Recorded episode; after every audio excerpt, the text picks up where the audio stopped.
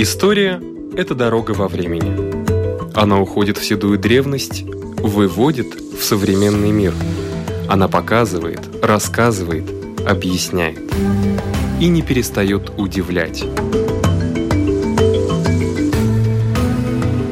Живая история.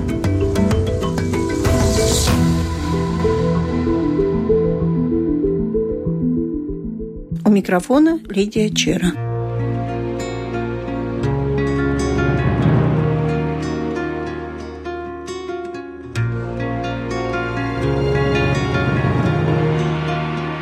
Меня зовут Михаил Парахин, я оператор коммунальной техники в предприятии «Рижские леса». Но вы с удовольствием занимаетесь историей тоже, да? Это хобби, наверное. Да, наверное, самое большое увлечение в моей жизни – краеведение, история, ну и география. Большое кладбище. Когда появилось? Когда появилась нужда хоронить людей подальше от старого города? В XVIII веке, во второй половине в городе бушевала очередная вспышка чумы.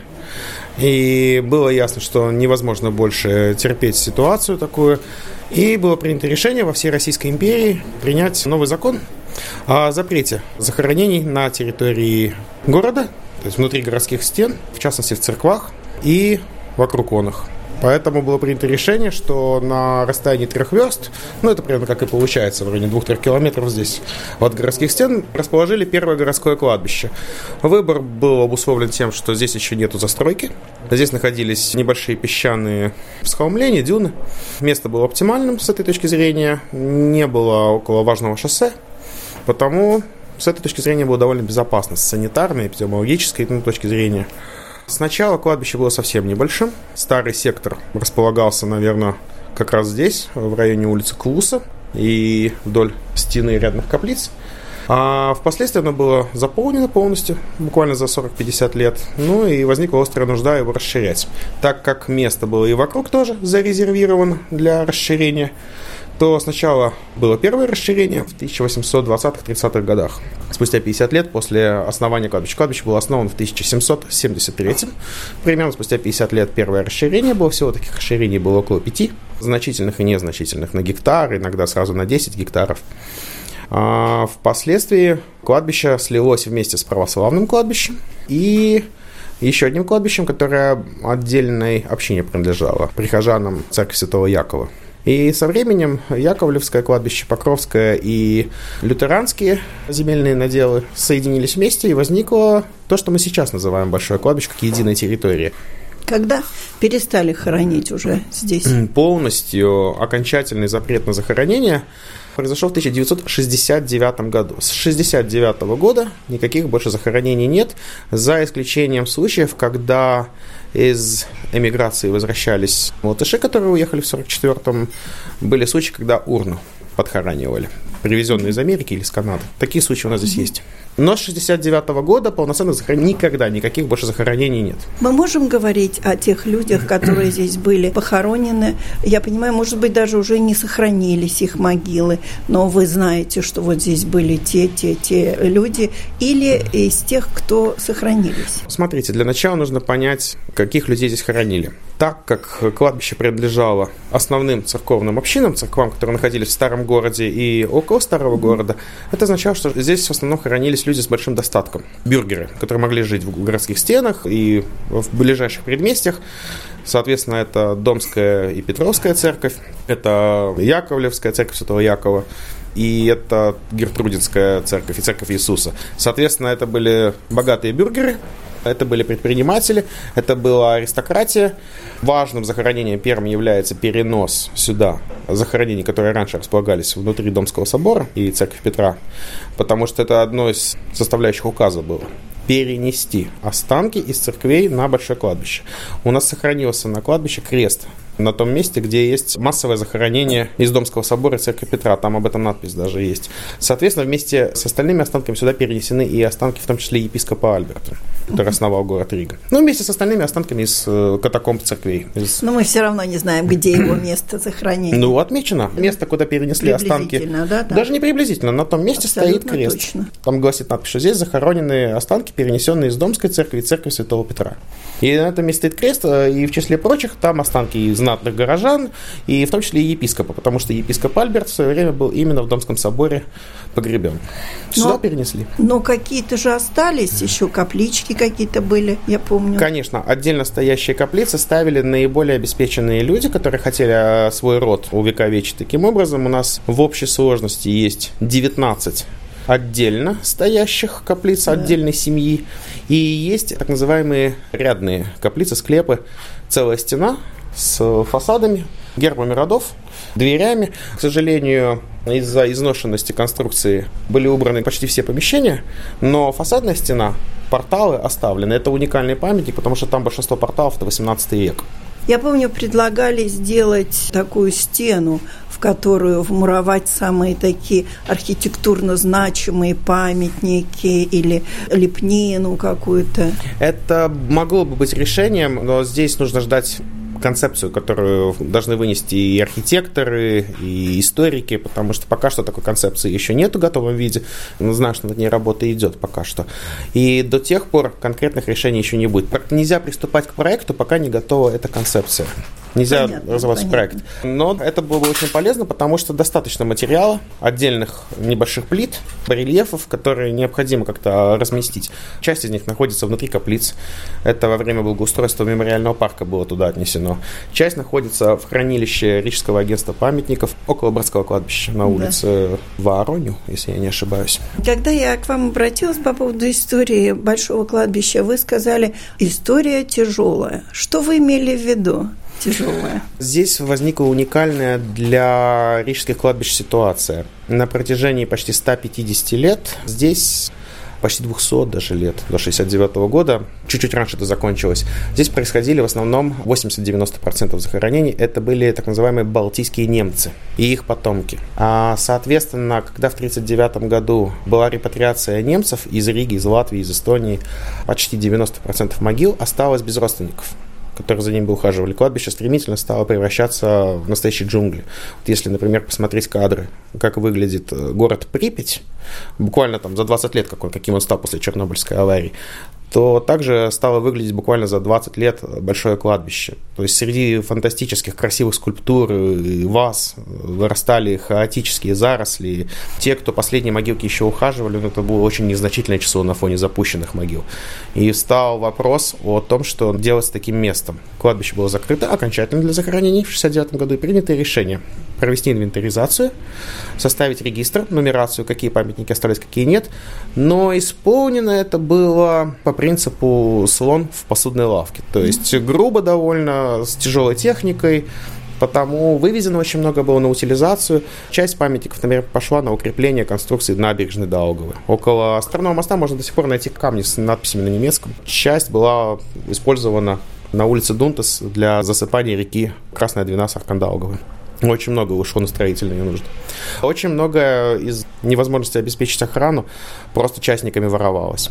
Можно погулять, например, по действующим кладбищам за мостом Браса и обнаружить там памятники, которые явно не соответствуют эпохе. Например, захоронение военных 70-х годов, но явно обелиск 19 века по стилю, и потом можно найти клеймо фирм, которые были до войны. Этим активно занимались воровством памятников и бронзовых элементов. Поэтому в этом плане очень тяжелая судьба. Тогда парк создавался так, как он создавался. Но со временем, да, эта территория была расчищена от так называемых лишних могил. Оставлены те памятники, которые представляют художественную ценность или памятники известным персонам. И возник так называемый мемориальный парк. Парк на месте кладбища, который сохраняет эту память о выдающихся людях. Среди них можно многих отметить, выдающихся. Кого? В первую очередь нужно отметить тех, кто внес самый большой вклад в формирование нации. Я думаю, что это, наверное, Кришьянис Баронс заслуживает первое место в таком топе своеобразном. Автор национального эпоса Лачплесис Андрейс Пумпурс. Конечно же, Кришьянис Валдемарс, безусловно. Это а, они здесь все захоронены? Они здесь. Они все похоронены здесь, и их могилы сохранены. Я думаю, что Фрицис Бривземниекс тоже один из самых таких активных деятелей еще первой atmoda 19 века. Mm-hmm. Он тоже да. здесь. Ректоры Латвийского университета, Рижского политехникума в огромном количестве здесь. А здесь же похоронены издатели, предприниматели. Вот Базар Берга, например, в центре города, знаменитый меценат и филантроп Кристопс Берг, основатель Базара Берга, он тоже здесь, у него роскошная могила. Здесь э, похоронены издатели, здесь похоронены в огромном количестве там, оп... Рапа, к сожалению, не, не здесь. здесь. Не здесь, нет, не здесь. Но оперная певица Ламберта Вилья есть. Mm-hmm. На Покровской части православной огромное количество русской диаспоры здесь славный похоронен. Масаковский директор довоенный, единственный на тот момент русской городской гимназии. Губернаторы, похоронены. Август Фольц, который создал фантастические фасады, фонтаны в городе Рига. Атлантов с глобусом. Здесь огромное количество. Бродцек, благодаря рисункам которого мы можем знать, как в 18 веке выглядели здания, одевались люди. Уникальный человек в истории Латвии. Фантастический пантеон известнейших людей. Уникальнейший. Как вы определяете по памятнику, даже не год, хотя бы эпоху? Если, не открою секрета, во всяком случае не держу это в секрете, в детстве я с бабушкой гуляла по этому кладбищу, и меня восхищали эти вот вы говорили, балтийские немцы, их могильные украшения, которые, не знаю, как правильно назвать, но там были и змеи, там были всевозможные какие-то амфоры. И вот мне интересно, как вы определяете, почему змеи, почему амфоры, что это за признаки чего? Ну, скажем так, без небольшого ликбеза это довольно трудно определить. То есть для начала нужно прочитать, конечно, какие-то книги, что означает это. Я, например, сначала заметил, а потом читал, что это означает. Вот, например, если я вижу замкнутую змею, то символ вот вечности, да, например. Да. Бабочка, символ усопшей души взлетающая. Бабочка очень популярна здесь как изображение. Дуб, у которого срублены сучья. И считается одна из версий, например, что это когда мужская линия заканчивается, то у дуба вот эти обрезанные ветви, и этому человеку стоит такой памятник. Ну, одна из версий. Еще, например, есть уникальный памятник, свойственный большому кладбищу. Это, например, вот эти колонны которые как в греческом стиле надломлены, остальная как да. античная такая вот развалина специально сделана. Анна Гертруда Верман, которая Верманский парк подарила Риге, да. завещала, она тоже здесь, ее род здесь, и вот у нее такая колонна есть, вазы. Каждой эпохе характерна своя отличительная черта. Например, конец 18 века, начало 19 го такой рассвет классицизма, значит, это обращение к античным формам, как ренессанс античности, такой классицизм, колонны и так далее. Можно найти еще более раннюю эпоху барокко порталы рядных каплиц, mm-hmm. и одна отдельно стоящая, вот полностью отреставрированная в этом году аптекаря Михаэля Вейсенбрайера каплица, она тоже она типичная барокко. Есть то, что свойственно уже второй половине 19 века. То есть это когда уже от песчаника, как материала, люди обращаются к граниту, создают э, черные обелиски. Вот, например, могила Валдемарса, один из таких первых обелисков, 1891, если не ошибаюсь. И там целый сектор именно обелиски идут, потому что он именно в это время примерно и расширялся. Ну, кладбище расширялось, погост расширялся на эту территорию. Югенстиль легко отличить благодаря завивающимся плавным формам, цветочным мотивам. Есть смешение стилей. Есть, например, неоклассицизм в сочетании с югенстильными фресками. Это семейная э, усыпальница рода Бергов, которая вот у улицы Мера стоит. Она фантастическая, то есть классический античный мотив каплицы, но при этом фрески в югенстиле, модерн. Уникальное сочетание. Есть, э, опять же, византийский акцент. То есть одна из каплиц, например, у той же улицы Мера, у нее чисто византийские формы, то есть плавное загибание купола такого идет луковичное, и все акценты идут уже византийские. Есть уникальные полы в некоторых каплицах, то есть это как мозаичная система. Есть одна из каплиц на главном входе, Шредеров род, по-моему, а у них идет звездное небо на потолке созданное, уникальное, то есть таких склепов нигде больше в Латвии нет. И каждая эпоха делала свой склеп, и каждая могила свой стиль имеет в этом плане. Югенстиль легко узнать. Его здесь действительно очень много. Помимо каплиц, кстати, уникальная особенность – это решетки заборов. Они со своим мотивом не найдете на большом кладбище двух идентичных заборчиков могил. Они специально тоже были в свое время инвентаризированы, нумерованы и оставлены во многих местах именно как экспонат вот такого музея под открытым небом. Такие мастера работали над этими решетками. Фантастические да? мастера. Сейчас таких нет, это точно. В принципе, можно назвать несколько основных фирм, которые здесь работали. Август Фольц, его фирма, наверное, он самый знаменитый. Думаю, что Тейтс и фирма Тейтса фирма Индрика Лациса, на базе которой после войны был создан гранит предприятия.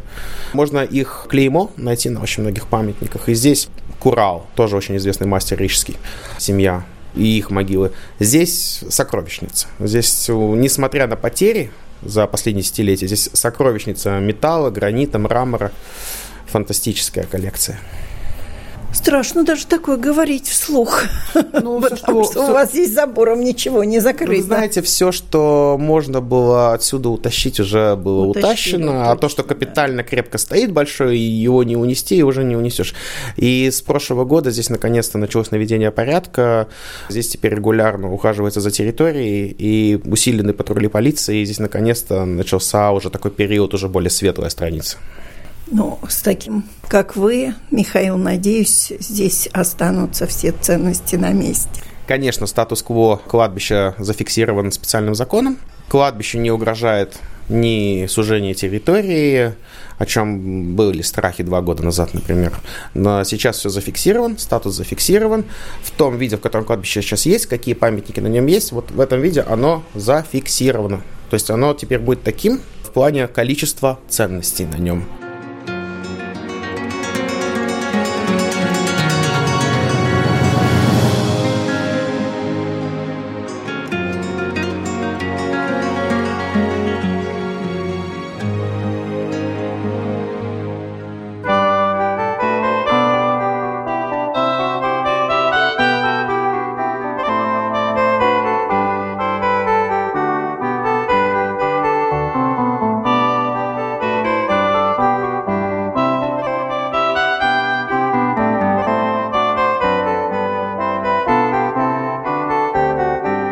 Продолжаем цикл сюжетов «100 реликвий истории Латвии», рассказывает Ирина Зейбарте. В нашей программе мы уже рассказывали о время духов, которое сейчас продолжается. А что это за время с исторической точки зрения? И я думаю, что это одна из самых древних традиций, которая обязательно исходит из еще языческих времен, но по такому странному развитию истории Латвии эта языческая традиция как-то жива, и она синтезировалась с христианской традицией и вылилась в такую совершенно другую традицию, которую мы сегодня все знаем. И я думаю, что поэтому, как традиция, она очень интересна, но, как вы знаете, традиция – это вещь нематериальная, ее нельзя взять в руки. А предмет, который мы представляем в своей книге «100 реликвий истории Латвии», он как раз материальный, но очень тесно связан с этой традицией. История сохранила для нас эту уникальную вещь. Это такой с виду неказистый кусочек дерева, четырехугольный, с отверстиями для четырех деревянных ножек. И называется он столиком. Когда-то он был столиком именно для угощения духов. И, как известно, вот с 29 сентября до 10 ноября было время угощения духов, и в это время где-то не в доме, снаружи выставлялся этот столик или в бане, или рядом где-нибудь. Он мог быть и под деревом например, под дубом, который почитали в языческие времена. Его выставляли на этих ножках, обязательно ставили свечу, потому что эта свеча была тоже символ, огонь как символ, и как знак, куда идти духом умерших, чтобы они могли найти угощение. И на этот столик ставили угощение. Но это было обычно что-то съедобное, и это было очень важно, чтобы утром, когда приходили посмотреть к этому столику, чтобы хоть что-то было тронуто. Это означало, что духи были, потому что духов в то время не боялись, это были свои. И выставляли это угощение для своих, для родных потому что ждали духов именно своих родственников, своих близких, чтобы они пришли и своим приходом утвердили то, что все хорошо, что они довольны оставшимися. И вот потому, что эта традиция, с одной стороны, очень долгая, очень древняя, с другой стороны, все материальные доказательства этой традиции фактически исчезли. Поэтому это действительно уникальный предмет в коллекции нашего музея, который сохранился И поэтому мы очень им гордимся. И, например, хотя бы тем, что мы знаем и историю конкретно этого столика, конкретно этого места семьи, от которой получили этот столик. В музей он пришел в 1929 году, и с тех пор не появилось ни одного другого свидетельства об этом культе духов. И я думаю, что стоит напомнить нам всем, что эта традиция, как я вначале сказала, она как-то синтезировалась, и сохраняя вот эту традицию подкармливать, угощать духов, она превратилась, в свою очередь, и в традицию, которую в Латвии знают все. Это свецы и швакары, когда уже тоже во время духов или в течение всего ноября люди идут идут на кладбище, зажигают свечи, и тем они э, показывают свое отношение к своим умершим родственникам. Вы можете сказать, а с какого века сохранился этот столик? Вы назвали, когда передали в музей, это 20 век начало, почти сто лет ему уже. А вот когда он был построен, можно как-то определить? Это очень трудно. Он мог быть и 19 века, и еще старше. Как я уже сказала, это просто кусочек дерева. Расшифровали его? Мы расшифровали эту традицию, мы расшифровали, как она могла выглядеть по записям, которые, между прочим, делали делали в своих книгах священники, христианские священники, которые отмечают то, что вот в таком-то, таком-то веке уже люди прикармливают, угощают духов, и в том числе в XIX веке это пишут, но именно об этом столике очень трудно сказать, он не очень древний. Ему может быть около ста, может быть немного более ста лет, но он олицетворение очень-очень древней традиции. Рассказывала Ирина Зейбарте.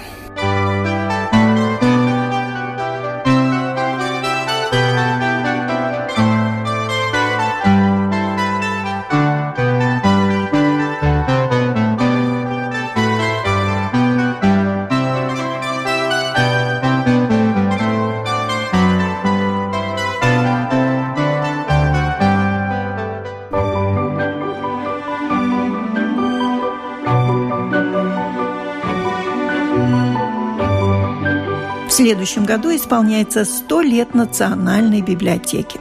Программа «Живая история» предлагает цикл сюжетов о раритетах, которые там находятся. Итак, заглянем в хранилище редких книг.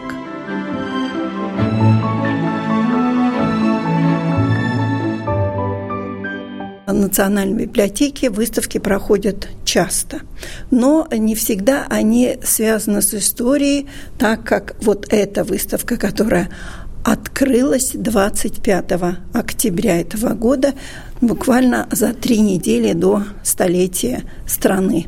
Историк Мартин Шминтарус. Чему посвящена эта выставка? Эта выставка посвящена самым ценным, самым редким изданиям и рукописям, которые э, хранятся в Латвийской национальной библиотеке. И эти самые большие ценности из всех наших ценностей называются по латыни «цемелия». Да, это такое определение, которое соотносится как раз именно к самым большим ценностям по истории книги, это во всем мире, и также в нашей библиотеке. И эта выставка, она так и называется, и она будет проходить здесь постоянно, в таком смысле, что мы будем время от времени менять эту экспозицию, но как тематическое такое явление, оно будет здесь постоянно и будет всегда доступно всем посетителям библиотеки, чтобы они могли узнать что-то о самых редких изданиях, которые мы имеем сейчас и которыми можем гордиться. Ну, как всегда, первые самые-самые. Я вижу, что здесь 10 стендов да. и, наверное, столько же книг. Да, здесь 10 стендов, и, во всяком случае, книг даже немножко больше, потому что мы попытались охватить самые разные стороны человеческой деятельности, которые можно познать по старинным книгам.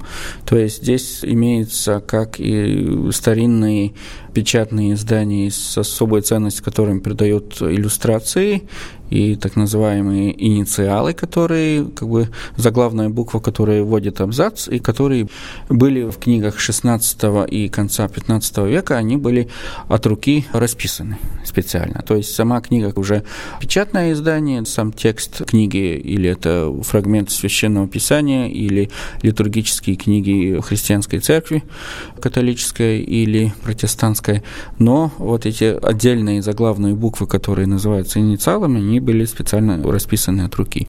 Также здесь имеются такие книги, которые важны в контексте истории Латвии. Например, там такое пособие о том, как правильно проводить прививки от ветрянки. Такая инфекция уже современная, то есть известная с 18 века, которая считалась и была действительно довольно таким опасным явлением. Когда появились первые возможности эти прививки проводить, появились и такие соответствующие пособники, которые даже на цветных иллюстрациях показывали, как и где и в каком порядке эти прививки делать. И также у нас в читательском зале редких книг и рукописей имеются иллюстрированные издания, ну, например, большие гравюры итальянского художника художника Пиранези, который жил в XVIII веке и прославился тогда и известен до сих пор своими гравюрами, сюжетами истории Древнего Рима, то есть э, тех развалин древнего города, которые сохранились при его жизни, то есть в XVIII веке, и он прославился вот такой серией афортов и гравюр, который дает информации о Риме XVIII века. И также у нас здесь имеются отдельные стенды, которые посвящены исторической картографии. И карты, которые у нас сохранились, тоже от 16 века и вплоть до 20 века включительно. А это в основном карты или каких-то отдельных регионов Европы. Например, тут у нас есть разные районы побережья Балтийского моря, например, Померания, которая сегодняшняя Польша и Германия, южное побережье Балтийского моря. Но так и есть отдельные карты по городам Западной Европы, особенно Голландии, потому что Голландия, как такой исторический регион, связанный с торговлей, они, конечно, имели и связи с Восточной Прибалтики, и эти карты нидерландских городов 16-17 XIX века попадали и к нам. Ну, сильно изменилась береговая линия по сравнению с сегодняшним. Э, по сравнению с сегодняшним еще пока можно сказать, что нет, но, как мы знаем, то все эти геологические преобразования продолжают происходить, и, наверное, через лет 50 береговая линия будет в нашем восточном и южном побережье Прибалтийского моря будет уже другим, потому что, как мы слышали и по радио, и по другим каналам связи и информации, то этот наш западный Курляндский берег постепенно смывается. Но эти старинные карты 17 века, они интересны, конечно, не столько с точки зрения топографической точности, которая тогда еще не могло быть на таком высоком уровне, как сейчас, когда эти снимки побережья, снимки Земли делаются уже с космоса, с спутниковой связи. Но эти карты старинные, они, конечно, интересны с точки зрения филологии, с точки зрения, какие были старинные названия городов городов и других местностей, которые на картах показаны, они интересны тоже с точки зрения того, как люди представляли себе окружающий мир, потому что еще в XVI веке, ну, меньше уже в XVII, но еще в XVI веке карта, в принципе, это не только документ, который имеет какое-то техническое значение, а больше как произведение искусства. Не только из-за того, что карта раскрашена и там разные дополнительные орнаментальные детали приведены в этой карте, но и также в этих старинных 16 века картах там можно увидеть всяких морских чудовищ, например, и это был такой стиль того времени или стиль дизайна того времени, как карта включала в себе и информацию побочную разное. То есть не только показать какую-то часть э, местности, но и то, что... Флору и фауну. Флору и фауну, да. Иногда даже фантастическую. Иногда даже фантастическую, но это, наверное, более относится к картам Атлантического океана, к примеру. Но если моряки, которые ходили из Европы в Америку и действительно встретили там какого кита или осьминога какого-то огромного, то от этого появились и легенды, и даже довольно точные рисунки этих морских чудовищ. В Балтийском море их, наверное, было гораздо меньше, но художники, которые составили эти карты в 16-17 веках, они тоже отчасти вот баловались такими животными. Эта выставка открылась 25 октября. До того, когда пройдет смена экспозиции, сколько пройдет времени? Это пройдет э, не меньше года. Все экспозиции старинных книг и рукописей, которые проводятся в Национальной библиотеке, они тоже рассматриваются с точки зрения того, что мы можем и хотим показать публике, и мы также должны учитывать, что мы имеем дело с старинными изданиями, старинной бумагой и так далее, и это все тоже подвергается какому-то режиму сохранности, чтобы не пострадали сами эти старинные книги и старинные рукописи. Это относится и к освещению, и к тому, что время от времени надо э, переставить листы, чтобы слишком долго не экспонировалась какая-то часть этого старинного издания. Это тоже надо соблюдать и режим влажности, и освещения, и того, чтобы, как говорится, книга не устала, все время не находилась только в одной позиции. Также у нас здесь есть выставки самая маленькая книга, которая у нас имеется в фондах э, Национальной библиотеки, это в начале 20 века напечатанная миниатюрная книга, которая содержит священную молитву «Отче наш» на разных языках, но сама книга такого маленького масштаба, что, в принципе, можно ее осмотреть только через лупу. Это тоже такая возможность там представляется. Книга меньше ногтя самого маленького пальца. Надо подойти, посмотреть через лупу. Да. И кто автор или куратор этой выставки? А, главный куратор этой выставки, сотрудник нашего отдела редких книг и рукописей Лилия Лиманы. Но, в принципе, над этой выставкой работали все работники отдела. На этом наша программа заканчивается. Всего вам доброго.